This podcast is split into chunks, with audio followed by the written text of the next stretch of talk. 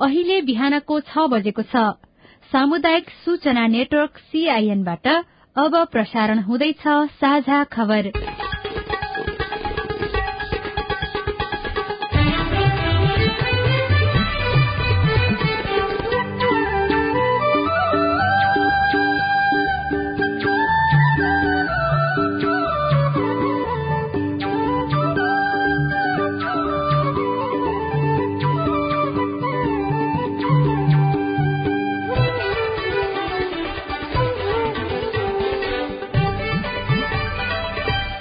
प्रभात यो सीआईएनको साझा खबर हो। सदना तिमल सिन्हासँगै लील प्रकाश चन्दको तपाईँलाई स्वागत छ। सामुदायिक रेडियोबाट देशैभरि एकैसाथ प्रसारण भइरहेको साझा खबर सीआईएन खबर डट कम र मोबाइल एप सीआईएनबाट पनि सुन्न सकिन्छ। आज दुई हजार उनासी साल असोज बीस गते बिहिबार अक्टोबर छ तारीक सन् दुई हजार बाइस नेपाल सम्बत एघार सय बयालिस आश्विन शुक्ल पक्षको एकादशी तिथि। साझा खबरमा प्रमुख खबरका शीर्षकहरू। प्रदेश र प्रतिनिधि सभाको निर्वाचनका लागि उम्मेद्वारी दिने समय आउन तीन दिन बाँकी। दलहरू निरन्तर छलफलमा कांग्रेसको केन्द्रीय कार्य सम्पादन समितिको बैठक आज बस्दै आवश्यकता भन्दा पनि नेताका कारण विमानस्थल बनाउने क्रम बढ़्यो। चौवन्न मध्ये छत्तीस विमानस्थल सञ्चालनमा भूमिहीन सुकुम्बासीलाई मंगिरपछि लाल पूर्जा वितरण गरिने। बाँके र बर्दियाका नदी किनारका बासिन्दालाई उच्च सतर्कता अप्नाउन मौसमविदको आग्रह। धानमा सेतो झिंगा पतेरो लगायतका किरा लाग्ने जोखिम खाद्यान्न आयात त्रिपन्न प्रतिशतले घट्यो। डेनमार्कमा नोभेम्बर एकका लागि लागि आम निर्वाचनको घोषणा। जर्मनका पूर्व चान्सलर मर्केललाई नानसेन शरणार्थी पुरस्कार प्रदान गरिने। अमेरिकासँग सीधा सैन्य भिडन्तको जोखिम बढ़ेको रूसको चेतावनी र एएफसी सत्र वर्ष मुनिको एसियन कप छनौटमा नेपाल थाइल्याण्डसँग पराजित। विश्वकप आयोजनाका लागि स्पेन पोर्चुगल र युक्रेनको संयुक्त दावी। च्याम्पियन्स लीग फुटबलमा साल्जबर्ग र आरबी लेब्जिङ विजयी।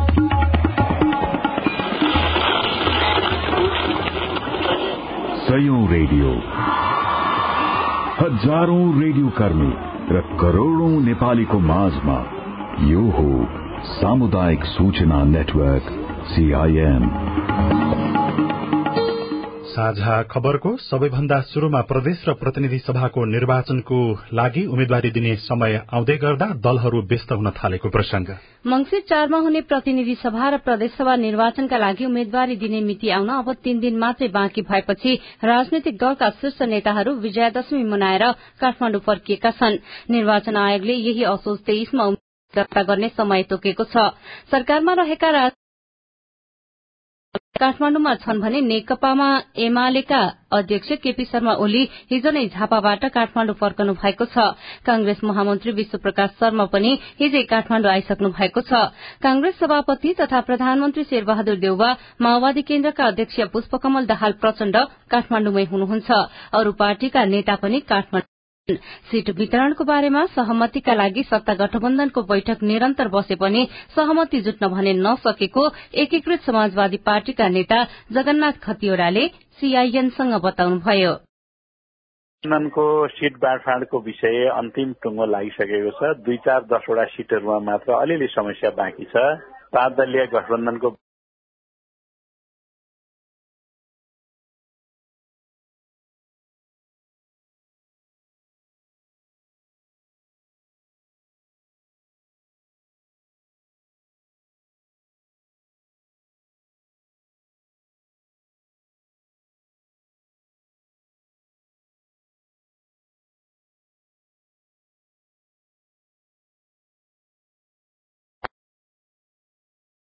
तालमेलका लागि दलहरूसँगको संवादलाई निरन्तरता दिएको छ तर कुनै सहमति गरिसकेको छैन।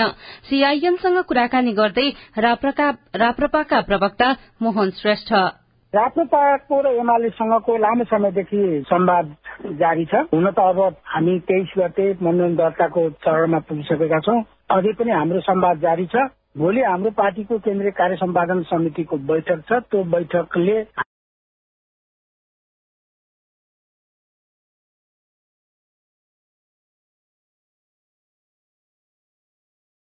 अध्यक्ष नहेन्द्र खड्काले अब निर्वाचनपछि लालपूर्जा वितरणको काम अघि बढ़ने बताउनुभयो। निर्वाचन आचार संहिता त अस्ति बाह्र गतेबाट मात्रै लाग्यो। त्योभन्दा पहिले नै हामीलाई पत्र काटेर प्रेस विज्ञप्ति समेत चाहिँ जारी गरेर लगत संकलनको काम निशा वितरणको काम लाल पूर्जा जग्गा नाप जाँच गर्ने काम र लाल पूर्जा वितरणको रोक्नका लागि निर्देशन दिएको हुनाले हामीले निर्वाचन आयोगको निर्देशनलाई पालना गर्दै सबै कामहरू अहिले स्थगन गरेका छौँ। निर्वाचन सकिएपछि फेरि चाहिँ पुराना जो सूचनाहरू स्थगन गरिएको छ तिनीहरू पनि खोलिनेछ।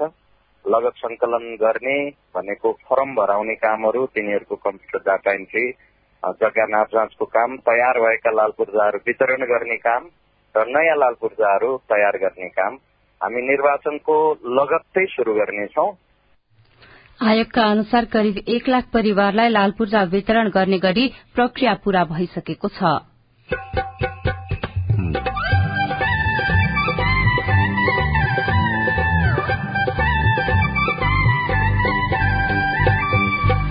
सामुदायिक सूचना नेटवर्क सीआईएन मार्फत देशभरि प्रसारण भइरहेको साझा खबरमा बाल विवाह विरूद्ध अभिभावकमा चेतना बढ़दै बीस वर्ष से नीचा न करे के है। करबे बेटा के पच्चीस वर्ष में बेटियों के बीस इक्कीस वर्ष में करबे शादी। कम उमेरमा बिहे गर्नु हुँदैन बीस वर्ष पुगेपछि बिहे गर्नु। धानमा सेतो झिंगा पतेरो लगायतका किरा लाग्ने जोखिम खाद्यान्न आयात त्रिपन्न प्रतिशतले घट्यो लगायतका खबर बाँकी नै छन्। सीआईएनको साझा खबर सुन्दै गर्नुहोला।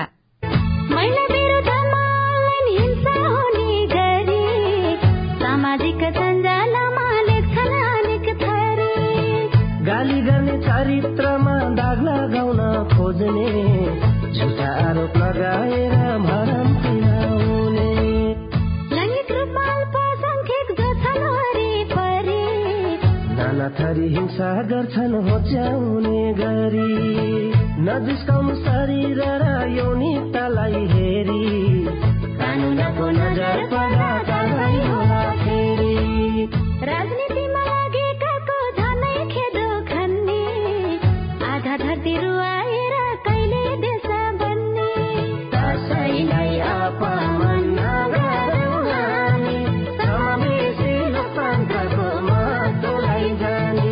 सामाजिक सञ्जाल लगायत अनलाइनमा हुने मिथ्या समाचार दुष्प्रचार र घृणा जन्य अभिव्यक्ति कानूनी रूपमा दण्डनीय छ।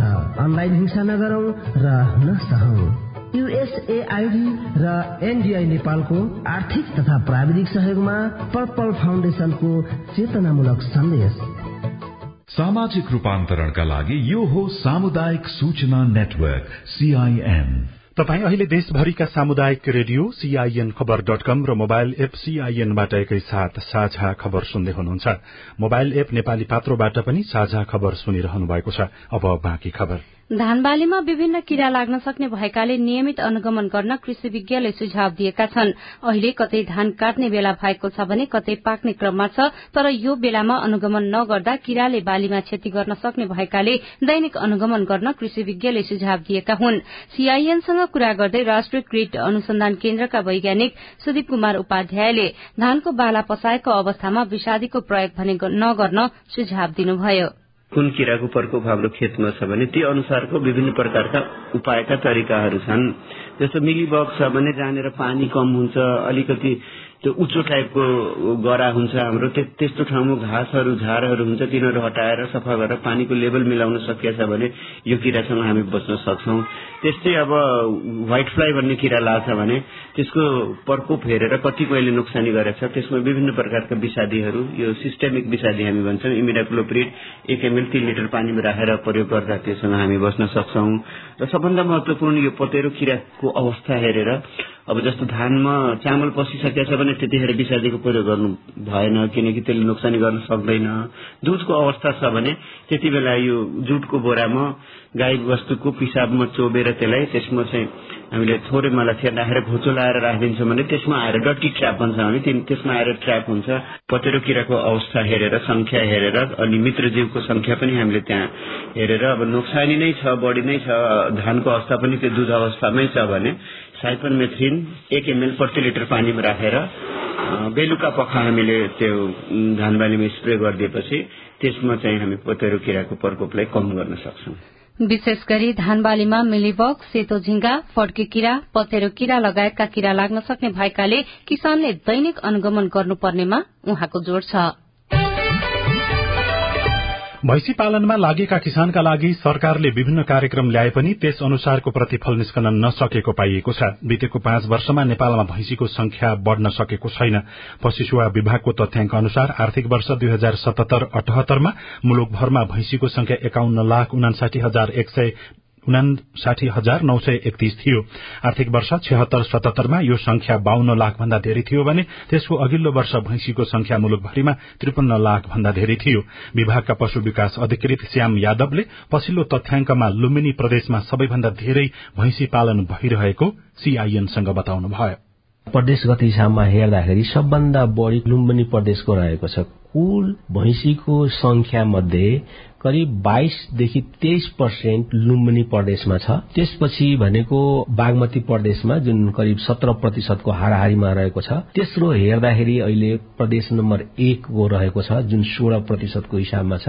मधेसको कुरा गर्दाखेरि पन्ध्र देखि सोह्र प्रतिशतको बीचमा रहेको छ। र सबभन्दा कम्ती भनेको कर्णाली प्रदेशमा हो जुन चाहिँ पाँचदेखि छ पर्सेन्टको हिसाबमा रहेको छ। सुदूरपश्चिममा झण्डै दस पर्सेन्टको हाराहारीमा छ। कुल जनसंख्या मध्ये कुल संख्या मध्ये बागमती प्रदेशमा आर्थिक वर्ष दुई हजार छत्तर सतहत्तरमा सत्र प्रतिशत भैंसी थिए भने सतहत्तर अठहत्तरमा सत्र दशमलव चार प्रतिशत भैंसीको संख्या पुगेको थियो। गण्डकीमा छत्तर सतहत्तरमा बाह्र दशमलव नौ प्रतिशत भैंसीको संख्या थियो। अर्को वर्ष भने यो संख्या घटेर दश दशमलव एक प्रतिशतमा पुगेको विभागले जनाएको छ। कर्णालीमा आर्थिक वर्ष दुई हजार छत्तर सतहत्तरमा पाँच दशमलव आठ प्रतिशत भैंसीको संख्या रहेकोमा अर्को वर्ष छ प्रतिशत पुगेको देखिन्छ। पछिल्लो समय नेपालमा खाद्यान्न आयात घटेको छ। भन्सार विभागले जारी गरेको तथ्याङ्कले साउन र भदौमा खाद्यान्नको आयात आधा भन्दा बढ़ीले घटेको देखाएको हो। त्रिपन्न प्रतिशतले खाद्यान्न आयात घटेको छ भने आयात गरिएको मूल्यको हिसाबले बयालिस प्रतिशतले घटेको छ। आर्थिक वर्ष दुई हजार अठहत्तर उना अस्सीमा चौतिस करोड़ किलो भन्दा बढ़ीको खाद्यान्न आयात भएकोमा अहिले सोह्र करोड़ किलो बराबरको खाद्यान्न आयात भएको छ। गत वर्ष यही समयमा भने साढे बाह्र अर्ब रूपियाँ बढ़ीको खाद्यान्न आयात भएको भएकोमा अहिले घटेर साढे सात अर्बमा सीमित हुन पुगेको विभागले जनाएको छ। गहुँको आयात तीन करोड़ मकैको आयात चार करोड़ र धान चामलको आयात करिब दस करोड़ किलोले घटेको छ। विज्ञहरूका अनुसार भारतले खाद्यान्न निर्यातमा लगाएको प्रतिबन्धका कारण आयात परिमाण घटेको हो। चाडपर्वलाई लक्षित गर्दै गत दुई महिनामा आधा अर्ब भन्दा बढ़ीको मदिरा आयात भएको पाइएको छ। चालू आर्थिक वर्षको साउन र भदौमा मात्रै त्रिपन्न करोड़ अस्सी लाख रूपियाँ बराबरको मदिरा आयात भएको वनसार विभागले जनाएको छ। विभागका अनुसार सत्र लाख छैसठी हजारको मदिरा आयात भएकोमा भदौमा भने दोब्बरले वृद्धि भएको छ। मदिराको बढ़दो आयातले मानिसको स्वास्थ्यसँगै नेपालको वैदेशिक व्यापार घाटा समेत बढ़ाउने भएका कारण आयातमा कडाई गरिनुपर्ने वरिष्ठ अर्थविद डाक्टर चन्द्रमणि अधिकारीले सीआईएनसँग बताउनुभयो। यो चाहिँ समाजलाई नचाहिने तर हामीले विदेशी मुद्रा खर्च गरेर आफ्नो आमदानी खर्च गरेर आयात गरिराखेका छौँ। अब त्यस्तै गरी तास नै पनि दुई करोड़को आयात भएछ। जुन कुरा समाजको लागि चाहिँ हेर्ने भने नेगेटिभ असर पार्ने कुरा यी दुइटै एकातिर चाहिँ नि मान्छेको स्वास्थ्यलाई खराब गर्दै जान्छ घर परिवार बिग्रिन्छ यसले त समाजलाई पनि विखण्डन गरिदिन्छ। व्यापार घाटा उच्च भएर जान्छ। त्यस कारणले गर्दा यसले चाहिँ समग्र अर्थतन्त्रलाई नै यस्ता वस्तुहरूको आयात हुँदाखेरि प्रभाव पार्छ आर्थिक हिसाबलाई पनि नकारात्मक प्रभाव पार्छ। भारत जापान अमेरिका अस्ट्रेलिया लगायत विभिन्न दश देशहरूबाट मदिरा आयात हुने गरेको छ भने नेपालमा वर्षेनी दुई खर्बको मदिराजन्य पेय पदार्थ आयात हुने गरेको छ। साझा खबरमा अब विदेशका खबर। डेनमार्कका प्रधानमन्त्री मेटे फेडरिक्सनले आगामी नोभेम्बर एकका लागि आम निर्वाचनको घोषणा गर्नुभएको छ। यसबारेमा उहाँले महारानीलाई जानकारी गराइसकिएको बताउनु भएको अन्तर्राष्ट्रिय संचार माध्यमले जनाएका छन्। सन् दुई हजार उन्नाइसको जुन यता सत्तामा रहनुभएका उहाँले डेनिस प्रणाली अन्तर्गत सन् दुई हजार तेइसको जुनसम्ममा चुनाव घोषणा गर्नुपर्ने थियो। संयुक्त राष्ट्र संघीय शरणार्थी उच्चायुक्त यूएनएचसीआरले जर्मनका पूर्व चान्सलर एन्जेला मर्केललाई सन् दुई हजार बाइसको नानसेन शरणार्थी पुरस्कार प्रदान गर्ने घोषणा गरेको छ। मर्केलको नेतृत्व साहस र करूणाले लाखौं निराश मानिसहरूको सुरक्षा सुनिश्चित गर्न साथै सुरक्षा चाहनेहरूका लागि व्यवहारिक दीर्घकालीन समाधान खोज्ने प्रयासको सराहना गर्दै उहाँलाई पुरस्कार दिने घोषणा गरिएको यूएनएचसीआरले जनाएको छ। मर्केलको नेतृत्वमा जर्मनीले सन् दुई हजार पन्ध्र र सोह्रमा बाह्र लाख भन्दा बढ़ी शरणार्थीलाई स्वागत गरेको यूएनएचसीआरले जारी गरेको विज्ञप्तिमा उल्लेख छ। र अमेरिकासँग सीधा सैन्य भिडन्तको जोखिम बढ़ाएको रूसले चेतावनी दिएको छ। युक्रेनलाई थप सैन्य सहयोग गर्ने अमेरिकी निर्णयबाट रूस बनेको रूसले अमेरिकासँग सीधा सैन्य भिडन्तको जोखिम बढ़ाएको चेतावनी दिएको हो। रूसी राष्ट्रपति भ्लादिमिर पुटिनले युक्रेनमाथि युद्ध घोषणा गरे यता अमेरिकाले युक्रेनलाई करिब सत्र बिलियन अमेरिकी डलर बराबरको सहयोगको वाचा गरिसकेको छ। अब खेल खबर एएफसी सत्र वर्ष मुनिको एसियन कप छनौटको पहिलो खेलमा नेपाल पराजित भएको छ। भियतनामको फू थो स्थित भियतनाम भियत त्रि रंगशालामा हिजो भएको खेलमा नेपाल थाइल्याण्डसँग तीन शून्य गोलले पराजित भएको हो। छनौट अन्तर्गत अब नेपालले भोलि आयोजक भियतनामसँग खेल्नेछ। छनौटको समूह विजेता एसियन कपमा छनौट हुनेछन्। उपविजेता हुने उत्कृष्ट छ टोलीले समेत एसियन कप खेल्नेछन्। सन् दुई हजार तीसको विश्वकप फुटबल आयोजना गर्नको लागि स्पेन र पोर्चुगलसँगै सह आयोजकमा युक्रेन थपिएको छ। स्पेन र पोर्चुगलले विश्वकप आयोजनाको लागि गत वर्ष नै संयुक्त दावीको घोषणा गरेका थिए। स्पेन र पोर्चुगलको एफए ले हिजो शाह आयोजक राष्ट्रमा युक्रेनलाई पनि थपेका छन्। अब विश्वकप आयोजनाका लागि स्पेन पोर्चुगल र युक्रेनले संयुक्त दावी गर्नेछन्। सन् दुई हजार तीसको विश्वकपका लागि अन्य थुप्रै राष्ट्रले समेत दावी गरेका छन्। फिफाले विश्वकप आयोजनाको घोषणा दुई हजार चौबिसमा गर्ने जनाएको छ। त्यसअघि सन् दुई हजार बाइसको विश्वकप कतार र दुई हजार छब्बीसको विश्वकप तीन राष्ट्र अमेरिका मेक्सिको र क्यानाडामा हुने जनाइएको छ। सन् दुई हजार तेइससम्ममा नेपालबाट बाल विवाह अन्त्य होला। रेडियो रिपोर्ट स्वस्थ जीवनशैली सम्बन्धी सन्देश अरू खबर र कार्टुन पनि बाँकी नै छ। सीआईएनको साझा खबर सुन्दै गर्नुहोला। रोमा दिदी फेरि चुनाव लागे जस्तो छ नि कताको यात्रा हो? तल चौतारीमा आज सबै पार्टीका अध्यक्षहरू आउने रे। महिलालाई टिकट देऊ भनेर दबाब दिन हिँडेको। भनेपछि महिला उम्मेद्वारको पक्षमा महिलाको र्याली अनि दिदी महिलालाई उम्मेद्वार बनाउन तयार हुन्छन् त पार्टी र पुरुष नेताहरू? संविधानले तेत्तीस प्रतिशत महिला सहभागिता गराउनु पर्ने भनेको छ। त्यसैले अब महिला उम्मेद्वारलाई मतदान गरी जिताउनु पर्छ क्या? अनि महिला नै किन? पहिलो त जनसंख्याको आधारमा हाम्रो प्रतिनिधित्व हुने कुरा लोकतन्त्रको आधार हो र हाम्रो अधिकार पनि। अर्को महिलाले जितेमा महिला र अन्य पछाडि पारिएका समुदायको मुद्दा सम्बोधन नीतिगत व्यवस्था र कार्यान्वयन प्रभावकारी हुन्छ। सुन्या होला नि जसको सवाल उसकै नेतृत्व। अनि सुन्नु त महिला उम्मेद्वार उठेपछि उनीहरूका घोषणा पत्रमा महिलाका लागि के के विषय राख्ने भन्ने बारे पनि यस्तै खबरदारी गर्नुपर्छ। घोषणा पत्रले महिलाको सवाल समेट्न सक्यो भने पो हाम्रा मुद्दा अगाडि आउँछन्। नेताहरू उत्तरदायी हुन्थे र हामी महिलाहरूलाई पनि भोट दिम दिम लाग्छ नि। महिला उम्मेद्वार उठेपछि महिलाका लागि के के कुरा चाहिन्छ भन्ने बारे त फेरि हामीले नै सुझाव दिने हो क्या? आगामी मंगिर चारको प्रतिनिधि र प्रदेश सभा निर्वाचनका लागि संविधानको व्यवस्था अनुसार महिला उम्मेद्वारलाई मतदान गरौं। महिला पुनस्थापना केन्द्र ओरेक नेम्स केयर नेपाल र सामुदायिक सूचना नेटवर्क सीआईएन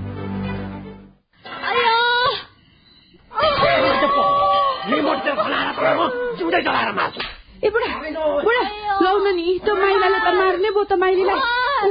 मटिकर पो खनाउँदैछ त? झट्टै पुलिस बोलाइदिनु त। हो त पुलिसलाई खबर नगरी भएन यसले त अति नै गर्न लाग्यो।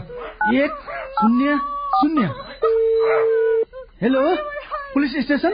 लौ न तपाईँहरू झट्टै यो जिल्ला अस्पताल लिएर आइदिनु पर्यो। तपाईँहरू जस्तो असल छिमेकीलाई चाहिँ धेरै धन्यवाद है। हामीलाई बेलैमा खबर गरिदिनु भएर थप अप्रिय घटना हुन पाएन।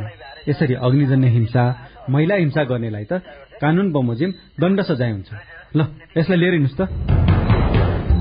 सावधान। पेट्रोल मट्टितेल जस्ता ज्वलनशील पदार्थ लगायत तेजाब करेन्ट आदिले जलाई ज्यान मार्ने अंगभंग गर्ने शारीरिक क्षति पुर्याउने जस्ता आपराधिक कार्य गर्नेलाई प्रचलित कानून अनुसार कड़ा भन्दा कड़ा सजाय तथा जरिवानादेखि जन्म कैदसम्म हुने व्यवस्था छ। त्यस्ता कार्य नगरौं नगराउ। अग्निजन्य हिंसा भएमा उजुरी गर्न प्रहरीको नम्बर एक शून्य शून्यमा र अन्य आवश्यक सहयोगको लागि बीबीएस नेपालको फोन नम्बर शून्य एक चौन्न पचपन्न छ आठ नौमा सम्पर्क गर्नुहोला। अग्निजन्य हिंसा विरूद्धको अभियानमा एक्सन एड नेपाल र बीबीएस नेपालद्वारा जनहितमा जारी सन्देश। सामाजिक रूपान्तरणका लागि यो हो सामुदायिक सूचना नेटवर्क सीआईएन साझा खबरमा अब बाल विवाहको प्रसंग। सन् दुई हजार तीससम्ममा नेपालबाट बाल विवाह अन्त्य गर्ने बाल विवाह अन्त्यका लागि राष्ट्रिय रणनीति दुई हजार बहत्तरमा उल्लेख छ। दिगो विकास का लक्ष्यमा पनि बाल विवाह अन्त्य गर्ने भनिएको छ। बीस वर्ष नपुगी विवाह गर्न वा गराउन नपाउने व्यवस्था भए पनि मध्य प्रदेशमा तुलनात्मक रूपमा अझै बाल विवाह धेरै हुने गरेको छ। कमे उमेर में शादी रहे भेल के लागि डाँड से न उठा हो शरीर में तकलीफ हो महोत्तरीको पिपरा गाउँपालिकाका रीता देवी महराले चौध वर्षको उमेरमा विवाह गर्नुभयो। आफूले पाएको दुःख आफ्नो बालबच्चाले नपाउन् भन्ने उहाँको चाहना छ। सरकारले बीस वर्षपछि विवाह गर्ने नियम बनाए पनि त्यो कार्यान्वयन नभएकोमा उहाँको चित्त दुखाइ छ। हम सब चाहे छी जे हमरा जेना हम दुख कटली तेना हमर बच्चा सब ने दुख काटे। अपना पैर पर शिक्षित भके खार होए तब शादी बियाह करी। हम सब से सोचे छी।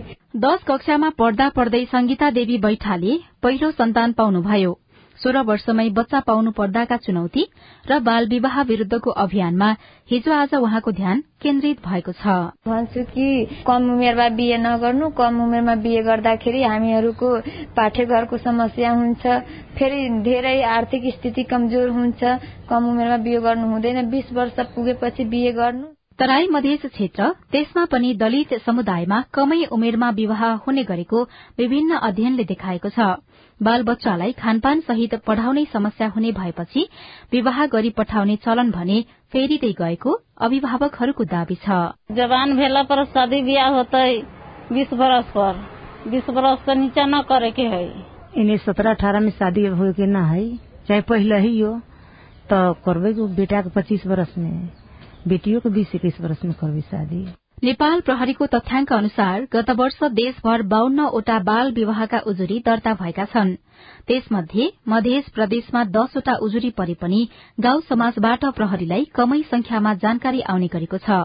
नेपाल प्रहरीका प्रवक्ता तेग प्रसाद राई। किनभने अहिले हामीले बाल बिहा भनेको के हो बाल बिहा किन नगर्ने यसले के असर गर्छ भनेर हामीले क्याम्पेन पनि गरेका छौँ स्कुल प्रोग्रामहरू गरेका छौँ त्यो पनि हो र हामीले के कारवाही पनि गरेका छौँ प्रहरीले मुलुकी अपराध संहिता दुई हजार चौहत्तरले बालबालिकाको विवाह तय गर्ने वा बालबालिकासँग विवाह गर्ने वा गराउने व्यक्तिलाई पनि पचहत्तर हजार रूपियाँसम्म जरिवाना र तीन वर्षसम्म कैदको व्यवस्था छ। मधेसमा बाल विवाह अन्त्यका लागि अझै गर्नुपर्ने काम के छ? एकजना अधिकार कर्मी रीता शाह।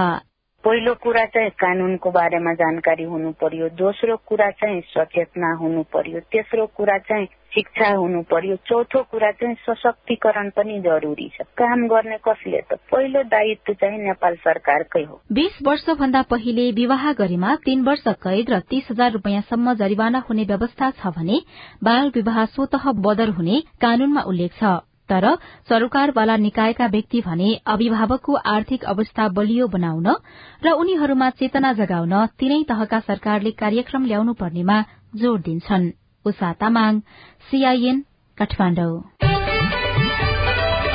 अब केही खबर संक्षेपमा। दशैंको बेला विद्युतको माग भत्तै घट्दा दैनिक करिब आठ सय मेगावाट विद्युत खेर गइरहेको छ। दशैंमा सबै उद्योग कल कारखाना बन्द र निरन्तर पानी पर्दा चिसो बढ़दा देशभित्र विद्युतको माग घटेको विद्युत प्राधिकरणले जनाएको छ। राति दैनिक सात सयदेखि आठ सय मेगावाटसम्म र दिउँसो चार सयदेखि पाँच सय मेगावाट विद्युत खेर गइरहेको छ। च्याम्पियन्स लीग फुटबलमा एफसी साल्सबर्ग र आरजी लेभजिङ विजय भएका छन्। राति भएको समूह ई को खेलमा एफसी साल्सबर्गले डिनामो साग्रेबलाई एक शून्य गोल अन्तरले तथा समूह एफ को आरबी लेभजिङले सेल्टिकलाई तीन एक गोल अन्तरले हराएका हुन्। यो खबर सँगै साझा खबरको हामी अन्त्यमा आइपुगेका छौं। सामुदायिक रेडियो प्रसारक संघद्वारा संचालित सीआईएनको बिहान छ बजेको साझा खबर सक्नु अघि मुख्य मुख्य खबर फेरि एकपटक। प्रदेश र प्रतिनिधि सभाको निर्वाचनका लागि उम्मेद्वारी दिने समय आउन तीन दिन बाँकी। सत्ता गठबन्धनका दलहरू निरन्तर छलफलमा। कांग्रेसको केन्द्रीय कार्य सम्पादन समितिको बैठक आज बस्दै। आवश्यकता भन्दा पनि नेताका कारण विमानस्थल बनाउने क्रम बढ़्यो।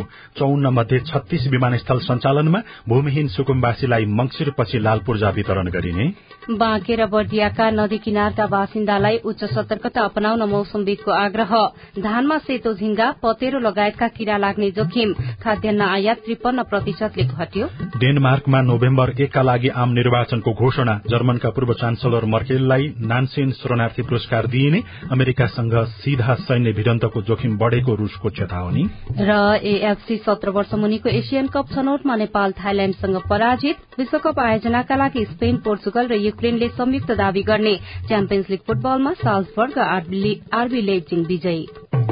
साझा खबरको अन्त्यमा कार्टुन। कार्टुन हामीले थाहा खबर डट कममा अनुपले बनाउनु भएको कार्टुन लिएका छौं। व्यङ्ग्य गर्न खोजिएको छ चुनाव आएको छ। चुनावसँगै नेताहरूले विभिन्न युवाहरूलाई पनि सँगै लिएर जाने गरेका छन् र साथमा उनीहरूको हतियार पनि देखिने गरेको भनेर विभिन्न खबर बेला बेलामा सार्वजनिक हुन्छ। यद्यपि यो आचार संहिताका अनुसार यसो गर्न पाइँदैन। यहाँ एकजना म्यादी प्रहरी लेखेको एउटा कार्ड बोकेर एकजना व्यक्ति लठी बोकेर उभिराखेका छन् र नजिकै एउटा गाड़ीमा ठूलो ठूलो पाखुरा भएका व्यक्तिहरू र केहीको कम्मरमा खुकुरी पनि देखिन्छ उनीहरू छन्। र ती व्यक्तिहरूलाई म्यादी प्रहरीले रोक्न खोज्दा चाहिँ माथि चाहिँ यस्तो लेखेका छन् र उनीहरूले यस्तो भनेका छन् हामी चाहिँ पार्टीको म्यादी प्रहरी है ब्रो हामी पनि म्यादी प्रहरी हो। हवस् प्राविधिक साथी सुनिल राज भारतलाई धन्यवाद। अहिलेलाई लील प्रकाश चन्द र सजना तिमल सिन्हा विदा भयौं। तपाईँको आजको दिन शुभ होस्। नमस्कार।